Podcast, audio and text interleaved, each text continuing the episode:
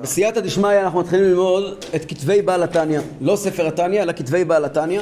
חמי גז יותר. הספר שאנחנו הולכים ללמוד כעת הוא נקרא תורה אור. מה זה תורה אור? איזושהי הקדמה קצרה על מה אנחנו הולכים לקרוא. בעל התניא, אה, בעל התניא היה אה, פורה מאוד וכתב, הוא לא כתב הרבה דברים, הוא דיבר הרבה דברים. הוא כתב מעט דברים, הוא כתב בסך הכל את אה, שלושת ספרי היסוד שהם אה, שולחן ערוך, בעל התניא, כל אות שמה מדודה ו- ומכוונת ככה בשיא הדיוק. הוא כתב את השולחן ערוך אמרנו, הוא כתב את ספר התניא, שספר התניא אין, אין צורך להכביר במילים, יש צורך אבל לא עכשיו, והוא כתב את הסידור. הוא כתב סידור, סידור תפילה. לא. תהילת השם זה סידור שמבוסס על סידור בעל התניא. הוא כתב סידור, סידור בעל התניא. סידור בעל התניא יש הרבה, יש הרבה דברים שלא מופיעים בתהילת השם. בתהילת השם יש הרבה דברים שלא מופיעים? בסידור בעל התניא. סידור זה ספר... לא, אה, לא, אה, לא סידור. מה? ההבדל בין טניה ובעל התניא? אני אסביר. האיש קראו לו בעל, רבי שניאור זלמן בעל התניא. מחבר ספר התניא. עכשיו, יש, אפשר ללמוד שולחן ערוך, אפשר ללמוד את ספר התניא, אפשר ללמוד את הסידור. הסידור גם אפשר ללמוד אותו, יש הרבה מה ללמוד שם. המון מה ללמוד שם. ספר מאוד עמוק. אבל הוא היה כל שבת מדבר בפני הקהל לפחות פעמיים. בליל שבת, בבית שלו, אחרי הסעודה, לפני הסעודה, באמצע הסעודה, אני לא יודע מתי, הוא היה מלמד את המשפחה שלו זוהר. יושב במשפחה ולומד איתם זוהר. אני לא יודע. עברו מאז 200 ומשהו שנים ואני לא ראיתי תיעוד על איך זה היה. אה, המשפחה שלו היו כולם גדולי עולם. הוא לא דיבר עם חבורת ילדים, זה היה שם ענקי עולם ממש. בחבורה שסבבה אותו בבית שלו. היה שם את אח שלו, שהיה ענק, קראו לו מהרהיל. והיה שם את הבנים שלו, והנכדים שלו. הוא היה חי בהתחלה. הוא נולד וגר בעיר שנקראת ליוזנה, שזה אה, כפר ליד, ליד ויטפסק. ואחר כך הוא עבר לעיר שנקראת לדי. איפה זה? כולם ברוסיה הלבנה. רוסיה הלבנה, כן, בלרוס. אה, לא? לא, לא, לא, לא. והם כתבו לעצמם את דברי התורה האלה, כתבו לעצמם, כל אחד מהנכדים כתב לעצמו את, הדברי תורה האלה שהוא אמר על הזוהר, אחר כך זה יצא לאור בספרים שנקראים ביאורי הזוהר. יש ביאורי הזוהר של רבי אמצעי, הבן שלו, יש ביאורי הזוהר של הצמח צדק, הנכד שלו, ויש ביאורי הזוהר שעוד לא יצא לאור ועומד לצאת לאור בעזרת השם בקרוב, של אחד הבנים האחרים, קראו לו רב מוישה. וכולם כותבים... כולם כותבים בסגנון אחר את אותם דברים, כן. עכשיו, הוא דיבר בשבת, בסעודה שלישית, או בכל מיני הזדמנויות, הוא היה אומר כל שבת דבר תורה נוסף, לקהל הרחב. ולפעמים גם באמצע שבוע. וכל פעם הוא פשוט פתח צינורות חדשים של אור, שזה לא יאומן עד כמה. הוא דיבר עניינים הכי נפלאים שיש, כל פעם באופן אחר לגמרי, במשך משהו כמו 12 שנה. הוא היה רבה כמעט 40 שנה, אבל אחרי שהוא יצא מהכלא, אז הוא התחיל את העניינים האלה באופן, באופן, באופן מאוד רחב, ו, ובעצם י"ט כסלו זו ראש שנה לחסידות, אז התחיל העניינים האלה באופן מאוד רחב, וגם את זה רשמו גם הבן שלו, הבנים שלו, וגם הנכדים שלו, וגם אחים שלו, אח שלו. ו... ויש אה, מחברות שלמות שנקראים ביידיש ביכלך. מחברות שלמות, ביכלו, זה מחברת. ביכלך של, שלמים של, של אה, כל אחד איך. שהוא כתב מה שהוא שמע, יד. כתבי יד. עכשיו, הכותבים האלה בעצמם, כל אחד מהם מעניק חמה בקומתו. כל אחד מהם גם היה כותב את זה מעצמו, זה היה העולם שלו. מביאים את זה אבל... ו... ו... אחר כך הבן שלו, הרב האמצעי, הוא המשיך לדבר דברי תורה, אבל בעיקר מה שהוא עשה, לקח את הדברים שאבא שלו אמר, והרחיב אותם. על כל עמוד שאבא שלו מדבר, הבן, הרב האמצעי, מדבר שמונה עמודים, זה היחס. ש... כדי להסביר. הצמח צדק, הנכד, שהיה גם תלמיד שלו, מכל משפט שהוא אומר, הוא כתב ספר, יש לו סדרה של 40 ומשהו כרכים, שנקראת אור התורה, שהוא לוקח בסדרה הזאת את כל דברי התורה של סבא שלו, לא הכל, אבל חלק גדול מדברי התורה של סבא שלו, ומראה איך כל מילה מתאימה עם כל מה שכתוב בש"ס, כל מה שכתוב בפוסקים, כל מה שכתוב במדרשים, בכל הזוהר, הוא מעמיק ומעמיק ומראה לך עד כמה שזה מים שאין להם סוף. צמח צדק הקדיש את רוב חייו, צמח צדק היה ענק, ענק שבענקים. צמח צדק היה ענק שבענקים, הוא כתב הרבה ספרים, גם בניגלה, כתב אה, תשובות הלכתיות, הוא היה תלמיד, תלמיד קרוב של סבא שלו, של אדמו"ר זקן. הוא לקח את הכתבי יד האלה של, של, הח, של הבן שלו, שהוא חמיב, רב האמצעי, ושל הדוד, רב מוישה, ושל רב מעריל, אח של אדמו"ר של ושלו עצמו, הוא לקח את כל כתבי היד, ועוד, יש עוד כתבי יד, של תלמידים גם. רב פנחוס היה, יש ספר שנקרא הנחות, הנחות רב שמאוד מאוד אומרים שמילה במילה כמו שזה נאמר. עוד כל מיני. הוא לקח את כל הספרים האלה והוא ערך מהם, מתוך כל זה, הוא ערך שני ספרים, שזה בעצם ספר אחד עם שני כרכים. תורה אור וליקוטי תורה. תורה אור זה על בראשית, שמות, מגילת אסתר. ליקוטי תורה זה על ויקרא, במדבר דברים, שיר השירים. ואצל חסידים הספר הזה זה הכל. טניה זה, זה, זה, זה לא ספר, טניה זה, זה החיים בעצמם. או טניה זה תורה שבכתב. זה התורה שבעל פה, זה הש"ס של חסידות. כן? כל מילה פה היא עולם ומלואו. זה טלפון. אז את זה- זה בסדר ככה שהם... למה זה ככה? את זה כתב הצמח צדק, על פי, ברוב רוב המקרים, על פי כתב יד של מהריל, אח, אח של בעל התניא, עם הוספות ותיקונים שלו ועבודה שלו, שהוא משווה בין הכתבי יד. היום, זה כל הספר הזה? זה תורה אור. אה, זה. כן. ויש הרבה מאמרים שלא נכנסו בתוך הספר הזה. אבל אם מישהו עובר רק על הספר הזה, זה והקוטעי תורה, שזה על החלק השני, יש לו בעצם את כל תורת חסידות חב"ד בבסיס. זה, זה תורת חב"ד המקורית, כן? המאמר הזה חייב איניש, הוא מאמר שאפשר לומר עליו שהוא, הרב צרפסי קורא לו בכמה מקומות דרוש פורים. יש הרבה מאמרים לפורים, אבל זה דרוש פורים הגדול. יש כאן יסודות דרוש שנוגעים... פורים? דרוש פורים. דרוש, דרשה, דרוש דרשה. של פורים. דרוש, כן. דרשה של פורים. זה נותן לנו, המאמר הזה הוא מאמר מאוד מאוד מאוד יסודי, שהוא נוגע לא רק לענייני פורים, הוא נוגע בכל השנה כולה. יש המון המון עניינים שמוצאים מכאן, אנחנו נראה, שאנחנו נלמד את זה, שאנחנו אולי נפתח עם פורים ובהמשך נחזור לפורים, אבל רוב המאמר לא קשור לפורים, רוב המאמר קשור למה שאנחנו עושים כל יום וכל הזמן. אז אה, נתחיל ללמוד.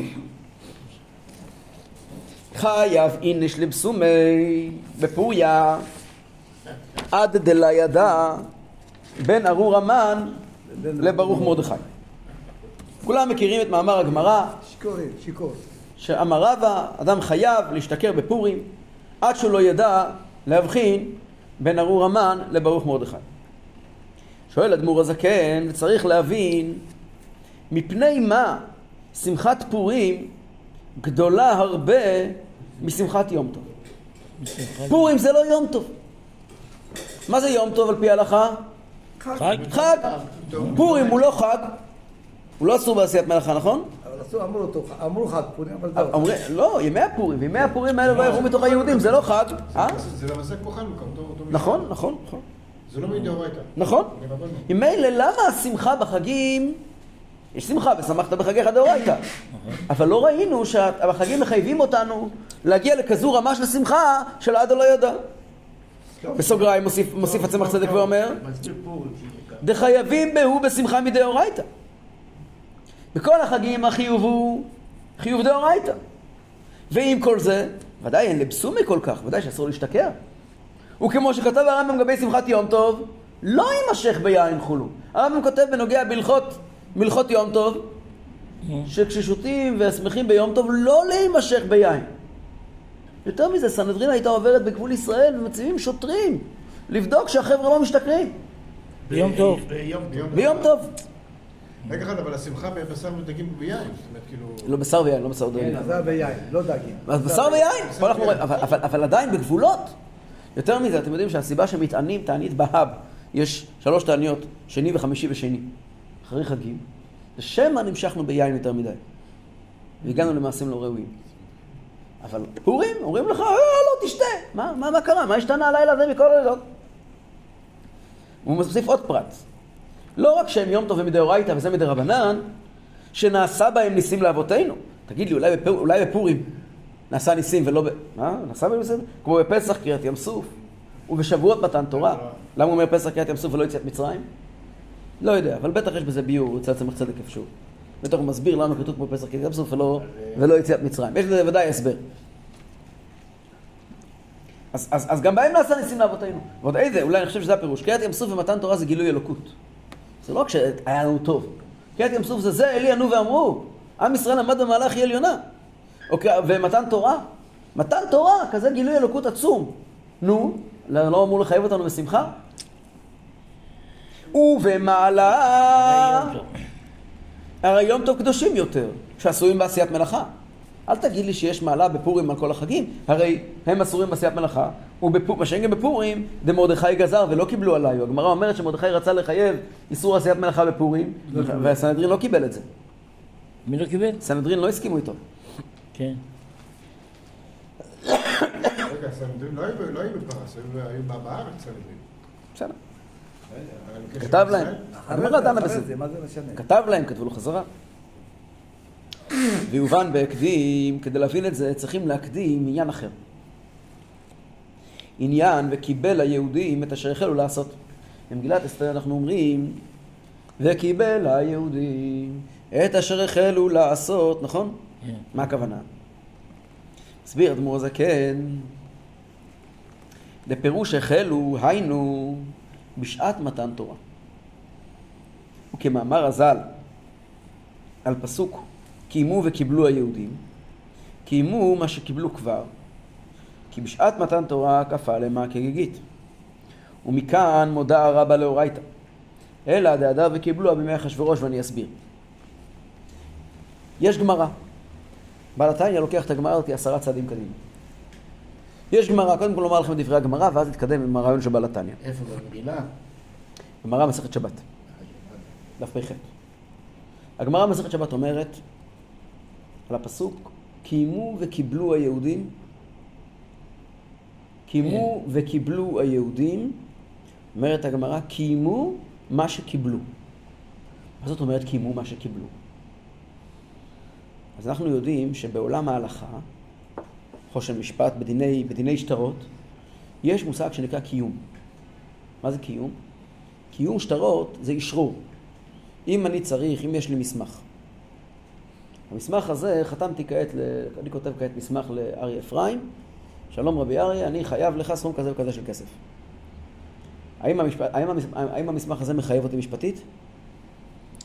כן. כן, ודאי שכן. ודאי אבל מה שכן. זה הלוואה? מה אתה לא, חייב? אני חייב לו על הלוואה, כן, לצורך העניין. מעיד על הלוואה בכתב. כן. האם זה מחייב אותי משפטית? כן. עכשיו, לצורך העניין, מחר, למה, אז למה אנשים רצים לעשות, ללכת לחתום לפני עורך דין? זה היום, אני לא יודע. גם היום, אני מדבר איתך היום. הי- היום זה... שיהיה רשמי. מה זה יהיה רשמי? מה אני צריך את הרשמיות? זאת אומרת, העורך דין מה- מאשר את החתימה. או מה העורך דין עושה? כן. אם-. אין לי חתימה של עורך דין, הנייר הזה הוא כלום? אין אמון. אין אמון. לא. אה, שאם- זה תופס. כל מסמך שאני כתבתי בכתב ידי, תופס. בסדר. אז למה אני הולך לעורך דין? לא, למה אבל. מה צריך? חתמתי בעצמי. אתה כתבת. לראות את הכל. ה- אני תמיד אוכל לטעון, אם אני טוען. המסמך הזה יעמוד בפני בית משפט, אני אצטרך לתת תשובות. אני יכול לתת תשובה, זה לא אני. אם אני אמר, כתבתי ולא התכוונתי, בית משפט יגידו לי, זה לא אכפת לנו. כתבת? אבל אם אני אומר, זה לא אני כתבתי, או כל מיני הסברים אחרים, אז בית משפט יכול לקבל את זה, שמה, ש- ש- שזה לא אני. לא כתבת ולא חתמת. לא כתבתי, לא חתמתי, זה לא אני, לא יודע, מישהו זייף, אין לי מושג. כן. אבל- לכן, אנחנו ניקח כזה נייר, יכול להיות שנכתוב לו כזה נייר, כזה במקום, אני חייב לך סכום 2,000 שקל נתת לי הלוואה, ומחר הוא ייקח אותי לעורך דין, עם הנייר, אומר לעורך דין, אתה עומד מול העורך דין. תשים פה בבקשה את החותמת שלך שהוא מסכים שהוא כתב את זה. כן. החותמת הזאת על המסמך שהעורך דין נותן נקראת קיום. קיום. קיום. בהלכה זה נקרא קיום. אני יש דבר כזה. יש דבר כזה עד היום. גם היום זה קיים. אישור, נכון. זה נקרא קיום. כן. איש- אישור חתימה. אישור חתימה. נוטריון. זה נקרא קיום. כן. אומרת הגמרא מסכת שבת ככה. כשהגיע הזמן מתן תורה, והתייצבו בתחתית ההר, שמלמד שכפה עליהם הקדוש ברוך הוא הר כגיגית. אמר להם, אם מקבלים תורתי מוטב, אם לאו, הלך עליכם. הלך עליכם. זה היה בעונש. זה היה באונס. מילא אומרת הגמרא, מכאן מודעה רבה לאורייתא. פה נוצר מצב של מודעה. מה זה מודעה? מודעה זה עוד מושג משפטי. מה זה מודעה? מודעה פירושו שצורך העניין הוא, אל תספר אף אחד, הוא כבר הרבה זמן מנסה להכריח אותי למכור לו, את ה- למכור, למכור לו את הרכב שלי. הוא כן. מגיע אליי, תמכור לי את הרכב. תמכור לי את הרכב. הוא חומד, חומד. חומד, חומד. מגיע אליי, אומר לי, אנחנו ניפגש בשעה זה הוא. מאיים עליי עם אה, רובה. אני אשלם לך, אבל אתה חייב למכור לי את הרכב. אני לא רוצה. הרכב הזה זה ירושה מסבתא רבא שלי. איך אני אמכור את הרכב שלי? מה אני עושה? אני לא יכול לעמוד מולו, הוא איש אלים. אז אני הולך לארי אפרים, ואני הולך למוישה. גולדפיין, אני אומר להם, תקשיבו חברים, יש לי צרות עם הבחור שכזה. הוא תקשיב, משגע אותי, אתה- למכור את הרכב, אני לא רוצה. אני מסוגל לחזר. והוא מכריח אותי. מה אני עושה? אני מודיע בפניכם הודעה. המכירה שאני עומד למכור לו, היא לא תקפה. ותן לי ומבוטו לי. לא, לא, לא, זה באונס, זה לא ברצון. מי מאשר את זה? הם. עכשיו, אני מוכר לו את הרכב. אין לי ברירה. אחרי זה אני מצליח להיות מס- מספיק חזק, ללכת למשטרה, בלי לפחד ממנו. ואני אומר להם, הרכב הזה שהוא קנה ממני, שיביא את הכסף חזרה בבקשה. אני אתן לו את הכסף חזרה, שיחזיר את הרכב, אני לא מכרתי לו את זה ברצון. בית משפט יגיד לי, מה פירוש? אתה חתום פה על ניירות. מה אני אענה? הנה עדים שזה מודעה. אני, אני כתבתי, אני עשיתי לפני כן הסכם שזה שום דבר. אותו הדבר אומרת הגמרא, אומר רבא, כאשר בני ישראל עמדו תחת הר סיני, אומרת לנו התורה, זה היה, באח... זה היה באונס. למה התורה מספרת את זה? באונס? כן, באונס, הקדוש ברוך הוא אנס אותם, כן, הכריח כן, אותם, אה, כפה עליהם מכה גיגית. כן. מה רצו להרוויח עם זה? כאשר יגיע חטא העגל, כן. יבוא משה לקדוש ברוך הוא ויאמר לו, ריבונו של עולם, הם לא התכוונו, אתה הכרחת אותם. הם לא באמת הסכימו, הרי מכוח מה אתה מגיע אליהם בטענה, למה הלכתם לעבוד עבודה זרה? מה הטענה? כתוב בתורה ככה. הם לא קיבלו את התורה. הם לא קיבלו את התורה. זה היה מודעה. היה מודעה, מה המודעה? כפה להם מכה גיגית. אמר רבא, הדר קיבלו בימי אחשורוש, כתוב קיימו וקיבלו היהודים, קיימו, עשו קיום. למה שקיבלו כבר, זאת אומרת, במתן תורה הם קיבלו, היה את השטר, ועד פורים זה היה במצב של אם יש בעיות אפשר להגיד לא התכוונו. כן. אבל כשהגיע פורים, אומר רש"י על. המקום, מאהבת הנס, היה כזה סיפור, בני ישראל התעוררו על עצמם. ואז הם החליטו לקבל תורה ומצוות על עצמם מתוך, מתוך רצון, בלי כפייה מלמעלה. פה זה היה בלי כפייה. עם ישראל קיימו על עצמם. קיבלו את התורה, זה עוד פרטים, כן? קיבלו על עצמם את התורה מחדש, וזה בעצם סוג של קיום לקבלת התורה של, של, של, של, של, הר של סיני. הר. כעת זה מקוים, כעת כאילו נותן פה חתימה של עורך דין, כי זה כעת הגיע, הם הגיעו מרצונם ואמרו אנחנו רוצים לקבל את התורה. עד כאן דברי הגמרא. בעל התניא בוחר בפסוק אחר, לא בפסוק קימו וקיבלו היהודים. אומר כמו שהגמרא אומרת קימו וקיבלו היהודים, אומר בעל התניא, האמת היא שיש לזה בצורה יותר עמוקה. יש פסוק שאומר קיבלו וקיבל היהודים את אשר החלו לעשות. בגמרא כתוב קיימו וקיבלו היהודים. כן. בעל התניא אומר פסוק אחר, מה הוא אומר? וקיבל היהודים את אשר החלו לעשות. מה הפירוש? קיימו וקיבלו הם קיבלו, אבל היה על זה ערעור. צריכים לקיים את זה. וקיבל היהודים פירושו הם אף פעם לא קיבלו בכלל. כעת לראשונה הם קיבלו. מה היה עד היום? החלו לעשות. הם עשו בלי לקבל. וקיבל היהודים את אשר החלו לעשות. למה? כי בעניין הזה של האונס שהיה במעמד הר סיני, הוא לא היה אונס צדדי, הוא ממש מנע את קבלת התורה. הוא ממש מנע את קבלת התורה. וקבלת התורה האמיתית הייתה רק בפורים. אם אני אשתמש במילים יותר, יותר מדויקות להסביר את העניין הזה, כביכול נאמר שישנם שני דברים שונים. יש מתן תורה ויש קבלת התורה. זה לא אותו דבר. זה שהקדוש ברוך הוא נתן לנו את התורה, זה היה במעמד הר סיני, לא ספק. זה שמאז ההלכה היא תמיד לפי, כפי שקובעים בתחתונים, תורה לא בשמיים היא, זה היה מתן תורה. אבל אנחנו לא היינו בסיפור. למה אנחנו לא היינו בסיפור? מה הבעיה באונס? באונס יש רק צד אחד. הצד השני נכנס לתמונה רק בפורים. זה מה שקודם אמרת, שתורה שבעל פה. נכון. תורה שבעל פה זה הצד השני. עד, עד פה היה רק צד אחד, רק הקדוש ברוך הוא. ופה התחיל גם הצד של עם ישראל. לכן, וקיבל היהודים, הקדוש ברוך הוא נתן, זה נכון. אבל וקיבל היהודים מתי היה? בפורים. רק בפורים. אוקיי? עד כאן, דרשת אדמו"ר הזקן המפורסמת מאוד על דברי הגמרא. כמה זמן זה פורים אחרי קבלת תורה? בערך אלף שנה.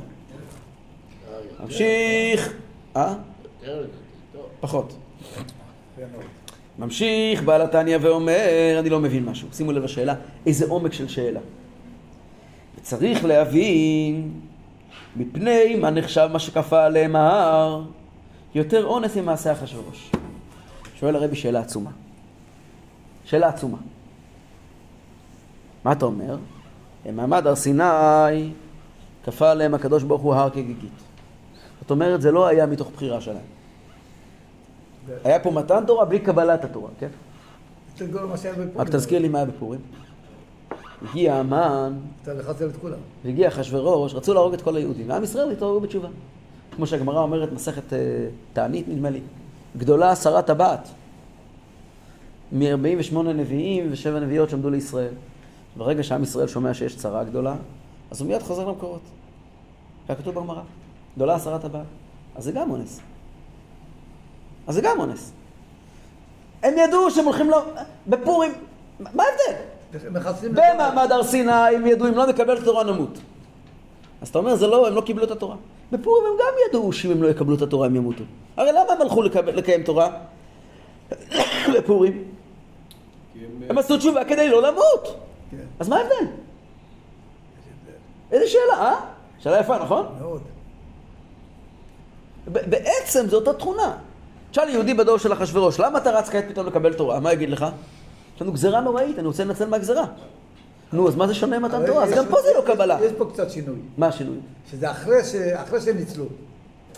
זה לפי רש"י, שרש"י כותב מאהבת הנס שנעשה להם, כן. זה כתוב באמת על הפסוק קימו וקיבלו היהודים. כן. על וקיבל היהודים זה לא כתוב, וגם על זה יש מהרבי גם דרשות ארוכות מאוד. הדרשה הארוכה של, האחרונה של הרבי לעת עתה היא בנושא הזה של איך מתווכים את רש"י.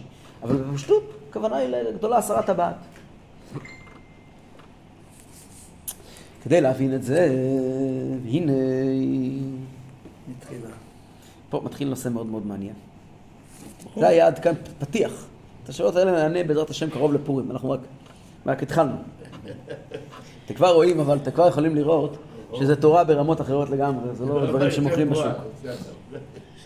והנה, מתחילה צריך להבין מהו עניין מתן תורה. כדי להבין את. את כל העניינים האלה, צריכים אולי קודם כל להבין מה זה מתן תורה בכלל. תסביר לי, אם אנחנו נבין מה זה מתן תורה, נוכל להבין את כל העניינים שקשורים לפורים וכן הלאה. באמת, החלק הראשון של המאמר. כולו עוסק בהסברה מהי תורה ומה זה מתן תורה. ולכן אמרתי, זה נוגע לכל השנה, לא רק לפורים בכלל. נכון? וגם מה שאמרו רז"ל, אשרי מי שבא לכאן ותלמודו בידו. הלא בגן עדן מתענגים מגילוי אור אינסוף ברוך. ומה שייך בזה, עוד פעם. וגם מה שאמרו רז"ל, אשרי מי שבא לכאן תלמודו בידו. הלא בגן עדן מתענגים מגילוי אינסוף ברוך. הוא. ומה שייך בזה שיהיה דווקא תלמודו בידו, שהמלאכות שהתלבשו בעניינים גשמיים. שואל בלתניא עוד שאלה. זה המשך השאלה הקודמת, מה זה מתן תורה? מה קרה לתורה כשהיא ניתנה? משהו השתנה שם? לא. בהמשך, קרה משהו. משהו אמיתי קרה. כן. מתן תורה, משהו אמיתי קרה. כדי להבין את זה, אומר בכלל, אנחנו יודעים, כתוב בגמרא, יש גמרא מפורסמת שאומרת, שאחד מהחכמים, אמר ברב אשי נדמה לי, עלה לשמיים. היה לו מוות קליני כזה, והוא חזר, אבא שלו שואל אותו, מה ראית שם? הוא אומר, שמעתי כמה דברים בשמיים. ושמעתי שהיו אומרים, בין הדברים, אשרי מי שבא לכאן ותלמודו בידו. אשרי מי שמגיע לגן עדן ובידיים שלו יש תורה. תורה. שואל בעל תניא, אני לא מבין. מילא מצוות, אין בגן עדן. צריכים להיזהר שהולכים לבית עלמין, לא ללכת עם ציצית גלויה. נכון, כי הוא לא יכול לתת את המצווה. זה לא יכול. לעג לרש. מה זה? זה לעג לרש. מתי? שהולכים, לא המתים יהללו יא, ולא כל יורדי דומא. למה אתה לא הולך עם ציצית? לבית עלמין לא הולכים עם ציצית גלויה. כי המתים לא יכולים להניח תפילין, אה, כבר, כן. אז אסור לך, לה- אסור לך, המתים לא יכולים לקיים מצוות. כן. אז אסור לך ללכת עם ציצית בחוץ. האם היה כתוב אשרי מי שבא לכאן ומצוותיו בידו? אני מבין. בגן עדן אין מצוות. מי יעלה בהר השם? אבל מה כתוב? אי אפשר להגיע לגן עדן בלי מה? בלי תלמודו. רגע, ומה עושים בגן עדן בדיוק? מה עושים בגן עדן? יושבים תורה. לומדים תורה! אז למה אתה צריך להגיע? מה יש? מה אתה צריך להביא בדיוק מהעולם הזה? הרי התורה שלומדים בגן עדן, התורה שלומדים פה זה לא אותה תורה. כאן בעולם הזה לומדים שניים אוחזים בטלית. נכון. בגן עדן לומדים את אותו סוגיה ברוחניות. שני, שתי נשמות, אוחזות מצווה אחת, יש פלפול שלם איך זה ברוחניות.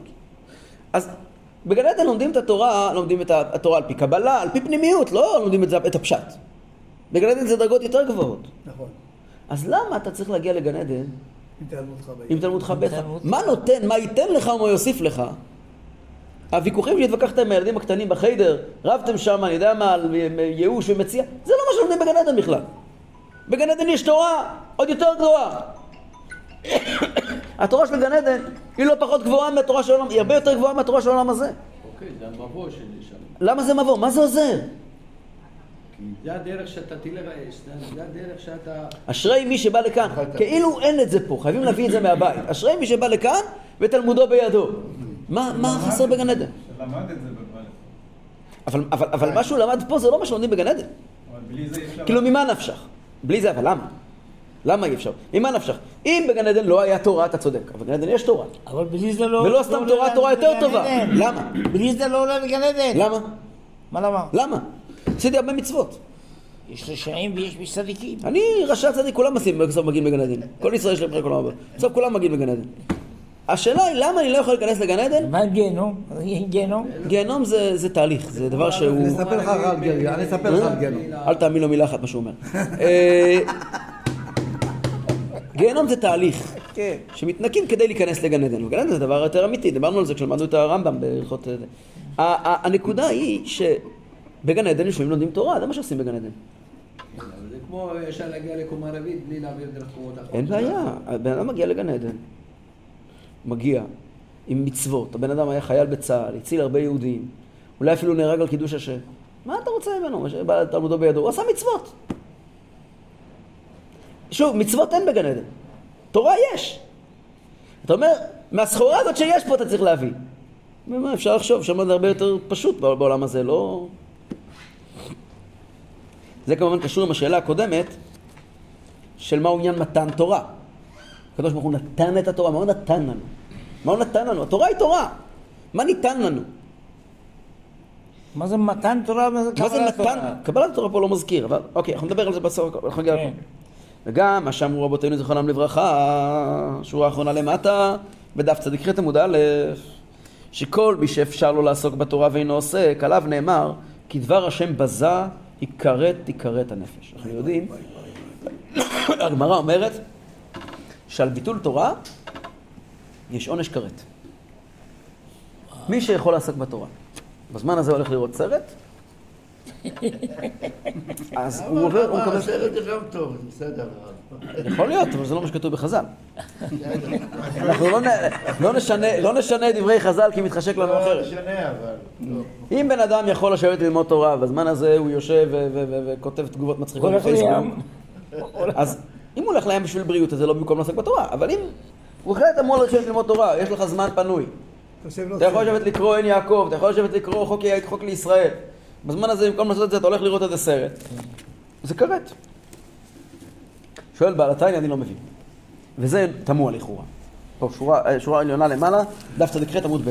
מאחר, מאחר. דמאחר שמי שאי אפשר לו לעסוק בתורה כל כך יוצא ידי חובה פרק אחד שחרית ופרק אחד ערבי אם כן, למה יהיה האפשר לו לעסוק ואינו עוסק גדול עוונו כל כך לומר עליו יכרת יכרת שואל בעל התניא שאלה עצומה הרי מצוות תלמוד תורה היא מצווה שהיא לפי שיעורים זאת אומרת, לכל אדם יש כמות אחרת של תורה שהוא חייב ללמוד תלמיד ישיבה חייב ללמוד תורה 24 שעות ביממה. איך? כל רגע שהוא לא אוכל או ישן, הוא חייב ללמוד תורה. אם בחור ישיבה מחליט, באמצע, באמצע לימודים, עכשיו אני אלך, אני לא יודע מה, באמצע לימודים, הוא יושב, לומד תורה, הלימודים בישיבה מתחילים בשבע בבוקר, ישיבה שאני למדתי, מסתיימים בעשר וחצי בלילה. יש הפסקות באמצע, כל ההפסקות ביחד לא לא עולים 24 לשעתיים. וחצי. ישנים כדי ללמוד תורה. אתה משם הולך לישון, אין לך זמן פנוי. אין בישיבה זמן, זמן לעניינים אישיים, אין דבר כזה בישיבה. בישיבה לא זה... ישנים חמש-שש שעות? ישנים בלילה. לא, לא, אבל בלילה. השינה, השינה היא ממש ברורה. אתה סיימת ללמוד, אתה הולך לישון כדי לקום בבוקר וללמוד. נכון. זאת אומרת, אז השינה היא גם לימוד. זה לא 24 לא, שעות. אז השינה היא גם, זה כן 24 שעות. כי השינה, אתה לא, אין לך... עכשיו נחשבת כאילו למדת. אתה גם, אתה הלכת לישון כשסיימת ללמוד, אתה אתה מיד מתחיל ללמוד. השינה היא גם, היא גם חלק מה... כאילו, אם לא תשאל, לא תוכל ללמוד. כאילו, כן. זה הכל רק עבור זה, אתה לא ישן כדי לשכוח דברים אחרים. כן. אז אם בחור ישיבה מחליט, עכשיו בשעה שתיים בצהריים, שתיים זה בעצם אולי הפסקה, משתיים עד שלוש וחצי יש הפסקה.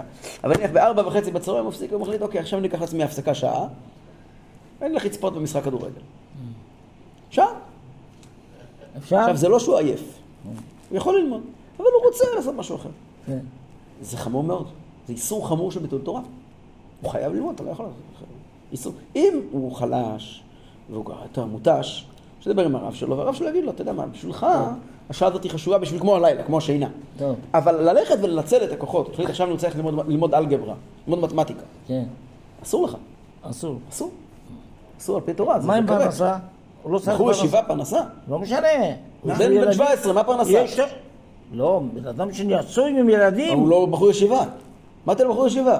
הוא אברך. בחור ישיבה זה עד שנתיים אחרי אתה- החתונה. מה, אתה- אתה שומע את המילה? ישיבה. ישיבה זה רק בחורים אתה יושב צעירים. ולומד. רווק. רווק, רווק. בחור ישיבה זה... זה ישיבה יותר יותר טוב. הוא מתכוון למה שתיכון. אסור לך גם לעמוד, רק לשבת וללמוד. יושבים ולומדים. כן. והוא, הבחור ישיבה הזה, אם הוא עכשיו הולך... בעיה. הרי זה ישנו אדם שהוא איש עסקים. מה זה איש עסקים? בן אדם מתחתן, יש לו ילדים, ארבעה ילדים, או שלושה ילדים, והוא צריך לפרנס אותם. אומרת לו התורה, אסור לך שתאמר כל היום. למה? צריך גם... לפרנס אותם, התחייבת. בכתובה, כן? נכון. חיים על צווארו ויעסוק בתורה, אז מה אתה חייב לעשות? חייב לעבוד כדי להביא אוכל הביתה. מה עושים? מי שלא הולך לעבוד? עובר עבירה חמורה. אז מה, אז לעשות חשבון. אני צריך לעבוד, אין בעיה. כמה כסף אני צריך? אני צריך כדי להחזיק את המשפחה, משכורת של 15,000 שקל לחודש, לצורך העניין. 15,000 שקל לחודש, היות שאני מוכשר בעניינים אלה ואלה, אם אני אעבוד חמש שעות ביום, אני אעשה 15,000 שקל בחודש. אם בן אדם יכול בתוך חמש שעות ביום לעשות 15,000 שקל בחודש, אסור לו לעבוד יותר. אתה צריך. להתפרנס ברווח, אז ישר שעות לך ללמוד. שאר השעות אתה חייב ללמוד. זה מצוות תלמוד תורה. תתפרנס בבקשה. תתפרנס ברווח. תתפרנס ברווח, אין בעיה. אבל כל רגע פנוי, אתה חייב ללמוד. יבוא בן אדם שהוא לא בן תורה, לא למד בישיבה, והוא ממילא יותר קשה לו ללמוד. אז אומרת לו ההלכה, אתה חייב ללמוד כל יום, לפחות שעה. שעה בבוקר ושעה בערב. ויגיד בו יומם ולילה, שעה בבוקר. יבוא בן אדם ויגיד, אני ממש לא יכול. למה? כי אני עוסק בביטחון ישראל. אני חייל. אני עובד במשרדי ממשלה שכל המדינה צריכה, אני לא, זה לא בשבילי, בשביל עם ישראל. אז יגידו לו, אתה חייב ללמוד תורה כל יום וכל לילה. כמה? תגיד את הפסוק שמע ישראל בבוקר. שמע ישראל בערב, קיימת מצוות תלמוד תורה. אוקיי? כן. יוצא. עכשיו, אם הוא לא, אם הוא לא אמר, מצא חן בעיניו, מחר אם הוא לא אמר את הפסוק שמע ישראל, הוא לא למד. הוא לא למד תורה. עכשיו, מה קורה? קורה פה דבר נורא מוזר. יש פה בחור ישיבה שלמד תורה 23 שעות ביממה, בשעה 24 הוא הלך לשחק סנייק. הוא עומד באותו פינה, באותו עונש, עם אותו אחד שעבד כל היום, זה רק רב לכל המס מה ישראל. ולא, ובמקום ללמוד שעה, למד חצי שעה בערב. מה תגיד, אתה משווה ביניהם? הבן אדם למד 23 שעות ביממה. זה התפקיד שלו היה, צריך ללמוד. אבל אם זה היה עונשים קלים, מילא, זה כרת. עסק רציני. איך יכול להיות שאתה אומר על בן אדם, הנשמה שלך נחרטת מהקדוש ברוך הוא, כי יכולת ללמוד עוד שעה, ובן אדם אחר פטור מזה בכלל. איזה מין היגיון? אם זה היה עונשים על כל מיני דברים. פה מגיע ואומר לבן אדם כרת, כרת פירושו, אתה לא מחובר עם הקדוש ברוך הוא. על מה? על מה? הרי השכן שלי לא מחויב במה שאני מחויב. מה, מה, איך זה הולך? איך ייתכן? הנה, מאחר שמי שאי אפשר לעסוק בתורה כל כך יוצא ידי חובה פרק אחד שחרית פרק הרביעית, אם כן, למה יהיה אפשר לו לעסוק ואינו עוסק? גדול עוונו כל כך, לומר עליו יכרת יכרת. אך העניין, נעצור כאן. שבוע הבא בעזרת השם נתחיל ללמוד את הסוגיה עצמה, זה רק למדנו את ההקדמה. זהו, עד כאן? כן, שבוע הבא נמשיך. היום, שבוע הבא, מוישה, יש עוד זמן. תודה רבה.